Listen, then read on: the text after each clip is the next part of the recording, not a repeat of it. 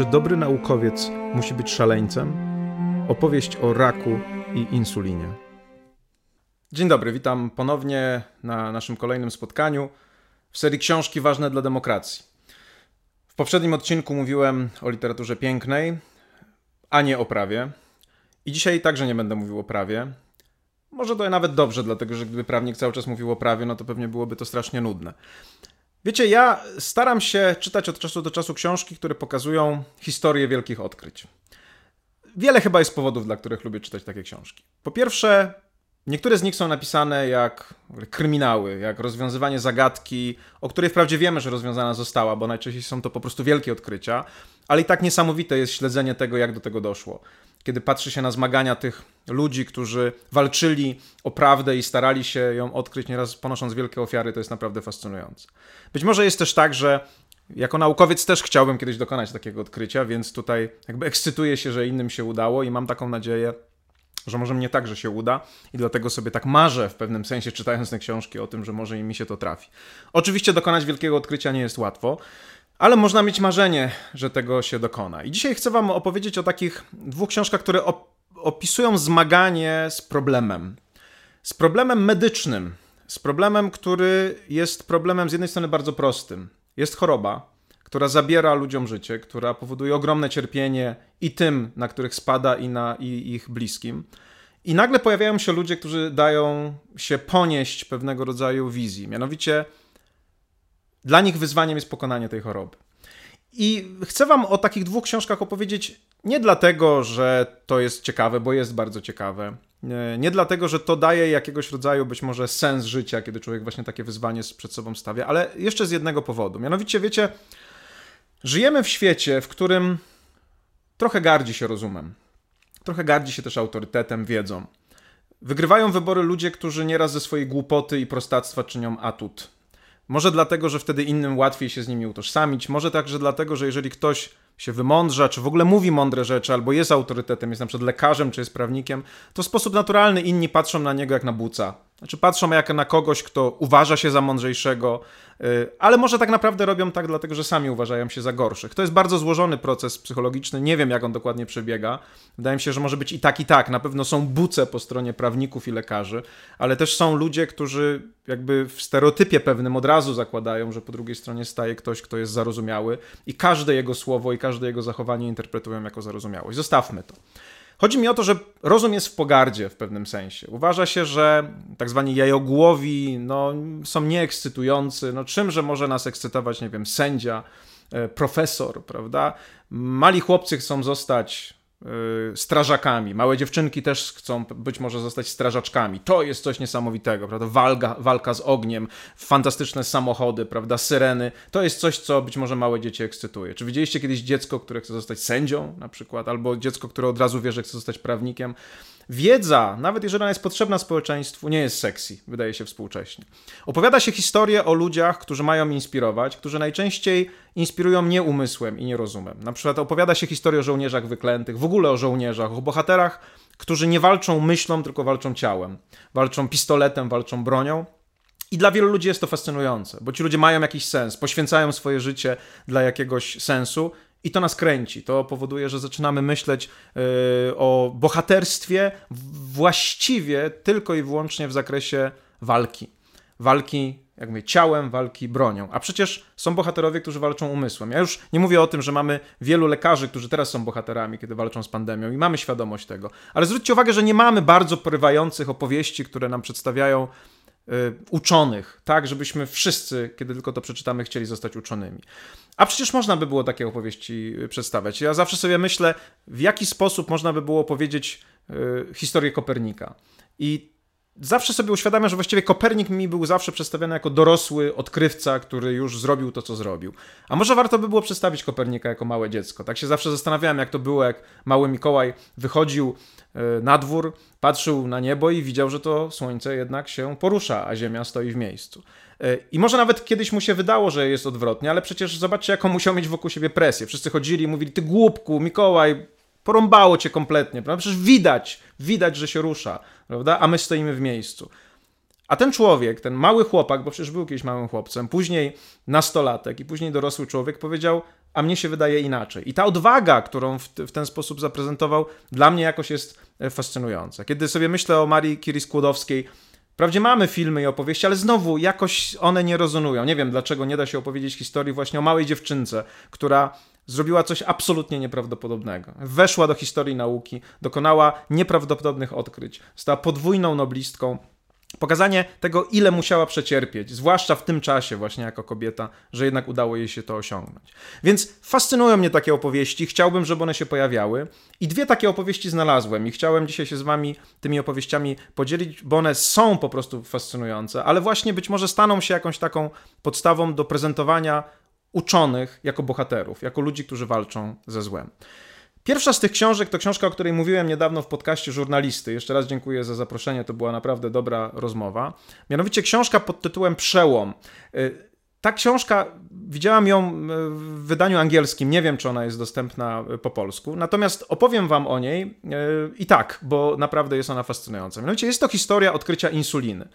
Jak wiecie, insulina jest po prostu jedynym właściwie sposobem, czy najlepszym sposobem na to, żeby radzić sobie z cukrzycą. I dopóki jej nie odkryto, cukrzyca była chorobą śmiertelną. Co więcej, najbardziej oczywiście bolesne było to, kiedy na cukrzycę chorowały małe dzieci, dla których absolutnie nie było żadnego ratunku, e, bo zawsze, kiedy dzieci umierają, to dzieje się wielka niesprawiedliwość i tak być nie powinno. I ta historia zaczyna się mniej więcej w okresie I wojny światowej, bo w latach dwudziestych po zakończeniu I wojny światowej tę insulinę odkryto i pokazuje historię absolutnie nieprawdopodobną. Ta książka opisuje jednocześnie historię lekarza Bantinga, który odkrył insulinę i ludzi, którzy razem z nim e, ją, ją dokonali ekstrakcji tej insuliny. Może trudno powiedzieć, że ją odkrył, ale, ale zamienił ją na lek oraz e, Elizabeth Hughes, która była córką sekretarza stanu i byłego kandydata do urzędu prezydenta Stanów Zjednoczonych, Hughesa właśnie. I ta historia jest w tym sensie niesamowita, że z jednej strony pokazuje rodzinę i dziecko, które jest chore na cukrzycę i dla którego, na które został wydany wyrok, ponieważ w momencie, kiedy Elizabeth zachorowała, było jasne, że nie ma żadnego ratunku. Dawano jej kilka miesięcy życia i historię tego, kto próbuje ją i wiele innych osób i wiele innych dzieci uratować, czyli Bantinga. I najpierw jest niesamowita historia właśnie tej Elizabeth, dlatego że jej rodzice, kiedy dowiadują się o tym, że ma cukrzycę, oczywiście wpadają w żałobę, zwłaszcza, że stracili swoją inną córkę. Ale na szczęście spotykają lekarza, nie Bantinga, lekarza, który leczy dzieci, które są chore na cukrzycę głodem. To była właściwie jedyna, jedyna znana przed insuliną terapia, polegająca na tym, że te dzieci się po prostu y, przestawiało na dietę, która była dietą absolutnie głodową, gdzieś tam na poziomie 400-500 kalorii y, dziennie. Y, I ta sytuacja była właściwie nie wiadomo, co było gorsze, bo z jednej strony to głodzenie tych dzieci trochę wydłużało ich życie, z drugiej strony zamieniały się w chodzące szkielety. Y, dla, dla rodziców obserwujących to chudnięcie tych dzieci, no to musiał być po prostu oczywiście ogromny szok. Ale doktor, który zaopiekował się Elizabeth, wiedział o tym, że być może już niedługo y, insulina będzie dostępna i że będzie można nią leczyć. W związku z tym, przedłużając jej życie, chciał, do, ażeby doczekała tego momentu, kiedy ta insulina będzie mogła jej być y, podana. I mamy więc tę pierwszą sytuację, kiedy rodzice już cierpią, bo widzą, że ich dziecko właściwie umiera, modlą się o to, żeby przeżyło jeszcze trochę, jeszcze trochę, jeszcze trochę, bo może doczeka tego czasu, kiedy insulina będzie dostępna. I mamy tę drugą historię, nieprawdopodobną historię Bantinga, y, lekarza, który najpierw brał udział w I wojnie światowej, a później wrócił i właściwie całe jego życie się rozsypało. Problemy z narzeczoną, problemy finansowe, pożyczone jakieś pieniądze na dom od rodziców, w pewnym sensie dla młodego, ambitnego człowieka, to jest, był powód y, dla jakiejś takiej pogardy dla samego siebie. Nagle Bunting pewnego dnia czyta artykuł naukowy i wpada na ten genialny pomysł, w jaki sposób insulinę, która jest naturalnym elementem naszych ciał i innych ssaków, i nie tylko ssaków, wydobyć i zamienić w lekarstwo, bo wiadomo już jest, wiadome jest już to, że ta insulina y, to jest coś, czego, czego tym chorym na cukrzycę brakuje. I tutaj następuje niesamowity moment, bo Banting jest tak naprawdę nikim, jest lekarzem, ale przychodzi y, na uniwersytet w Ontario, Toronto, Ontario i zaczyna rozmawiać z profesorem, który zresztą później e, został uznany za współodkrywcę insuliny. I ta rozmowa jest niesamowita, dlatego że przychodzi facet, właśnie Bunting, bardzo źle ubrany, biedny i zaczyna mówić, że potrzebuje laboratorium i chce prowadzić badania naukowe. No i ten człowiek, który na niego patrzy, uznany profesor, patrzy jak na szaleńca. Ale coś jest w tym szaleństwie Bantinga. Jest coś takiego, co tego statycznego profesora zmusza do tego, żeby dać laboratorium Bantingowi, żeby dać mu te psy, na których on chce prowadzić te swoje mm, badania i żeby dać mu nawet asystenta, który będzie mu pomagał. I wiecie, ta historia to jest historia, która po powtarza się w historii nauki. Taka sama historia dotyczy Wittgensteina, Ludwika Wittgensteina, y, jednego z najwybitniejszych filozofów XX wieku, który kiedyś w podobny sposób w Cambridge wpadł do pokoju, y, w którym mieszkał Bertrand Russell, Russell, czy funkcjonował Bertrand Russell, wybitny filozof. E, Russell później w swoim pamiętniku napisał, że przyszedł do mnie jakiś Niemiec i zaczął dziwnym angielskim coś mówić. Wittgenstein nie był Niemcem, był Austriakiem, pewnie nie mówił zbyt dobrze po angielsku. I podobna sytuacja. Szaleniec, który chodzi po pokoju i tłumaczy wielkiemu, wybitnemu filozofowi, że się myli, że on ma lepsze idee, i Russell mu wierzy. I z tego się rodzi coś wielkiego w, w historii nauki. To jest sprawa dziwna, być może jest tak, że trzeba być szaleńcem, żeby dokonać wielkiego odkrycia, i w tym też jest coś niesamowitego. No i Bunting zaczyna w tym swoim małym laboratorium prowadzić te eksperymenty. Polegają one na tym, że y, musi mieć zawsze parę psów. Jednego, jednemu wycina trzustkę, żeby ten, ten pies stał się diabetykiem, czyli zaczął chorować na cukrzycę, a u drugiego podwiązuje jakoś tam tą trzustkę i próbuje wyekstrahować insulinę. Robi to, robi to oczywiście z wieloma e, porażkami e, i w końcu mu się udaje. Co więcej, to wszystko jest robione w ogromnym brudzie. Bunting mówi, że w, tych, w tym laboratorium po prostu śmierdzi. Nie ma jak sobie z tym poradzić. Są tam te psy, są ich klatki obraz szaleństwa, który za moment da ludzkości jeden z najważniejszych leków. Udaje mu się to zrobić. Co więcej, Bunting jest tak szalonym człowiekiem, że zaczyna testować tę insulinę na sobie. To jest bardzo niebezpieczne. Znowu, szaleństwo, które prowadzi do wielkiego odkrycia i udaje mu się to. Odkrywa, przy pomocy firmy zaczynają produkować tę insulinę. E, Bunting dostaje Nobla za to, że udało mu się to, tego dokonać. I podsumowaniem tego wszystkiego jest taka scena, o której bardzo często się opowiada, która nie jest akurat w tej książce opisana, ale to jest, to jest scena cudu, która, która się zdarzyła. Mianowicie wyobraźcie sobie te biedne dzieci głodzone, które są szkieletami, które już zapadają właściwie w śpiączkę, które zaraz umrą. Jest pokój, w którym jest 25 takich łóżek. Rodzice przy tych dzieciach, cierpiące rodzice siedzą i nagle wchodzi Bunting z insuliną. I podchodzi do pierwszego dziecka, wszczykuje tę insulinę i idzie tak od łóżka do łóżka, od łóżka do łóżka. Kiedy jest przy 25, to pierwsze dziecko wstaje i zaczyna rozmawiać z rodzicami. Cud. Wyra wydarzył się cud, jak zmartwychwstanie, ale to jest cud nauki, cud tego szaleńca, który czegoś takiego dokonał. Dlatego, że to, co zrobił, pozwoliło tym dzieciom rzeczywiście wrócić, wrócić do życia, wrócić do normalności. Elizabeth Hughes, która y, wytrzymała tę głodówkę, którą y, dr Allen jej zaproponował ten pierwszy lekarz, którego jej rodzice spotkali, dostała tę insulinę, żyła długo, długo i szczęśliwie i była osobą, która najdłużej na świecie przyjmowała insulinę e, i dała światu bardzo wiele dobrych rzeczy, między innymi dzięki Buntingowi. Jest jeszcze jeden element w tej historii, o którym mówi sam Bunting. On był outsiderem. To nie był wybitny profesor, to nie był wybitny badacz, któremu spływały zewsząd pieniądze na badania. I w pewnym momencie Bunting mówi coś takiego w tej książce, że być może to była zaleta. Co ciekawe, porównuje się bo nie był oczywiście skromnym człowiekiem, do Einsteina. Bo jak wiecie, Einstein też był outsiderem. Nie pracował na uniwersytecie. Właściwie żaden uniwersytet nie chciał go przyjąć, pracował w urzędzie patentowym, a mimo to dokonał tego odkrycia, którego dokonał. I mówi się, że w tym czasie, kiedy Einstein odkrył teorię względności, było co najmniej trzech lub czterech uczonych na świecie, którzy mogli to samo zrobić, ale się bali.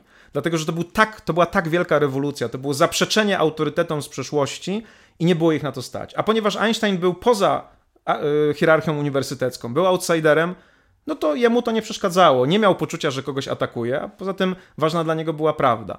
Bunting mówi to samo o sobie. Mówi, że i rzeczywiście było tak, że wiele osób w tym czasie pracowało nad wykorzystaniem insuliny do leczenia cukrzycy, a tylko jemu się to udało. Może dlatego, że był outsiderem. Kiedyś widziałem też taką, taką analizę bardzo, bardzo ciekawą, która pokazywała, że jak się rozwijają młodzi naukowcy bardzo obiecujący, którzy najpierw pracują w małych ośrodkach akademickich, Wyobraźcie sobie, że na przykład macie w Warszawie jakiegoś naukowca albo właśnie w Poznaniu i nagle awansują do jakiegoś absolutnego centrum nauki, prawda? Cambridge, Oxford czy na uniwersytety amerykańskie z Ivy League. Co się dzieje z takimi uczonymi? Okazuje się, że ich kariera zwalnia. Wcale nie rozwija się tak, jakby się spodziewało, że może się rozwijać. I ci, którzy to analizowali, zadawali sobie pytanie, dlaczego tak się dzieje. Otóż być może jedną z interpretacji było to, że kiedy jesteś geniuszem, młodym geniuszem, pracujesz w małym ośrodku, masz wolność tworzenia tego, co robisz, dlatego że tam jesteś najlepszy i nikt nie powie ci, to jest głupie, nie powinieneś tego robić, powinieneś zająć się czymś innym. Ale jak później nagle przenosisz się na Harvard albo na jakąś inną wielki, wielką uczelnię i przy stole, przy którym siedzisz, siedzi pięciu noblistów, no to bardzo trudno jest być sobą i przekonywać się, że tylko przekonywać wszystkich, że ty masz rację. Co więcej, ci wielcy powiedzą ci, że lepiej, żebyś robił i wykorzystał swój umysł do tego, czym oni się zajmują. W ten sposób zatrzymają rozwój nauki. Coś jest na rzeczy, wydaje wydaje się, że y, outsiderzy dokonują tych wielkich odkryć. Oczywiście nie tylko y, outsiderzy, ale właśnie, że y, taka jakby prawidłowość tutaj istnieje.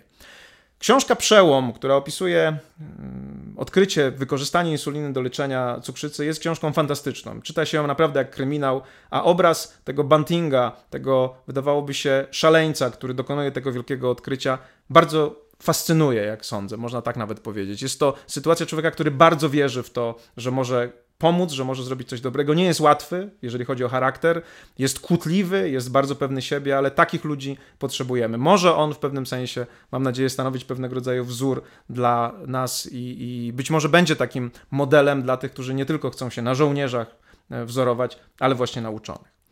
Druga książka, do której chcę Was zachęcić, jest w pewnym sensie podobna, bo także jest y, historią walki z chorobą, chociaż nie tak udaną jak walka z cukrzycą. Mianowicie jest to książka Cesarz wszystkich chorób, biografia raka. Ta książka jest akurat dostępna po polsku także. I jest to historia, która zaczyna się znowu od historii bardzo konkretnej choroby. Otóż zaczyna się od historii 30-kilkuletniej matki, która pewnego dnia budzi się co się boli, ma jakieś szramy na plecach, zostawia swoje chyba dwie córeczki w domu, jedzie na badanie, wykonuje jej się badanie, no i w pewnym momencie autor książki, lekarz, który fantastycznie pisze o, o badaniach naukowych, yy, opowiada o tym, jak wchodzi do pokoju, żeby jej przekazać diagnozę yy, i mówi jej z jednej strony rzecz straszną, mówi jej, że ma ostrą białaczkę, nowotwór krwi.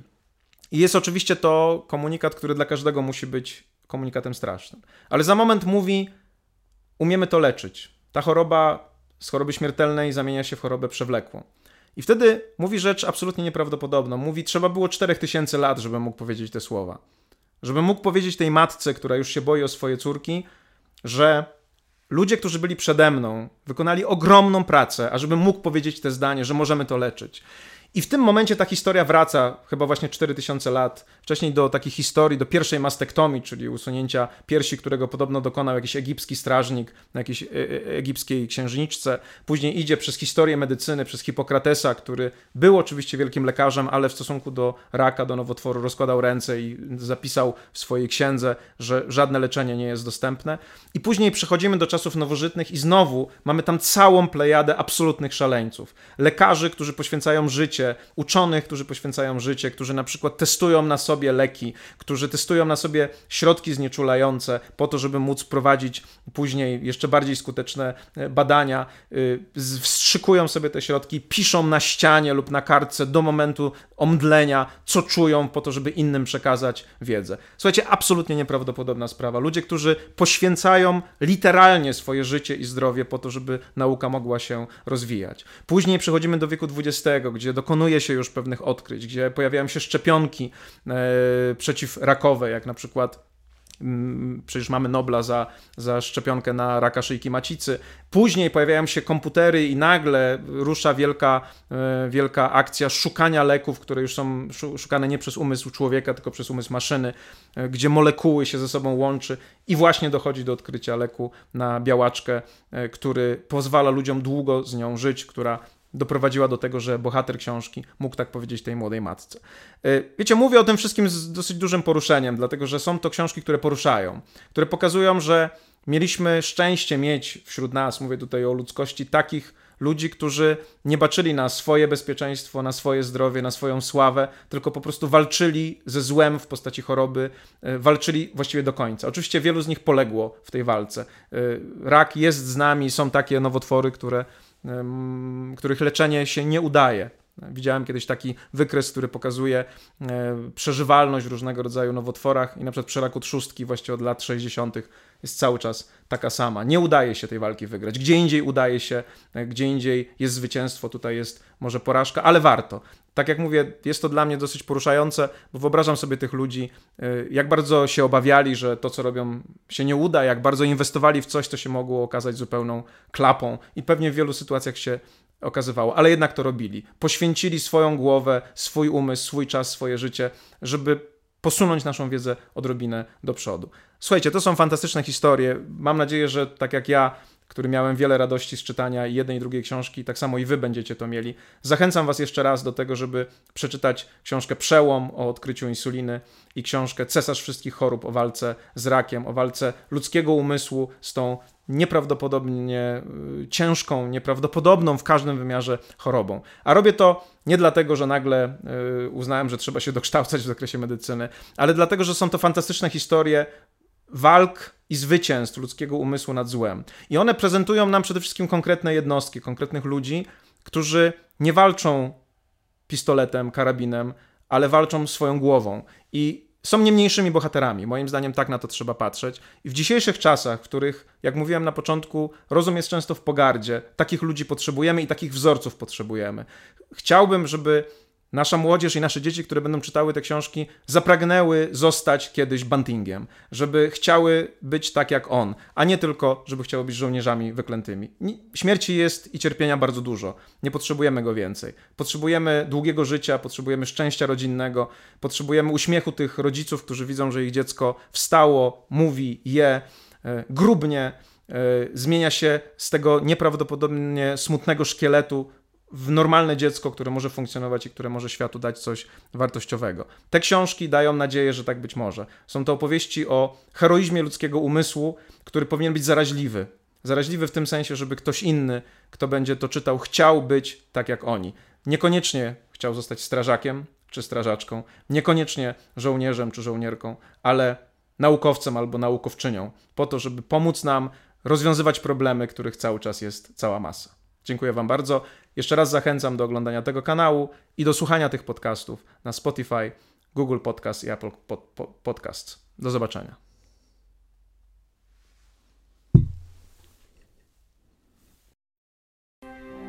Jeżeli zainteresowały Was tematy, o których mówiłem, zachęcam do tego, ażebyście włączyli się do dyskusji. Zostawcie koniecznie komentarz, przedstawcie swoją opinię. Możecie także zdecydować się na subskrypcję tego kanału. Będzie mi bardzo miło, bo wtedy będziecie mieć łatwiejszy dostęp do kolejnych odcinków. Zachęcam.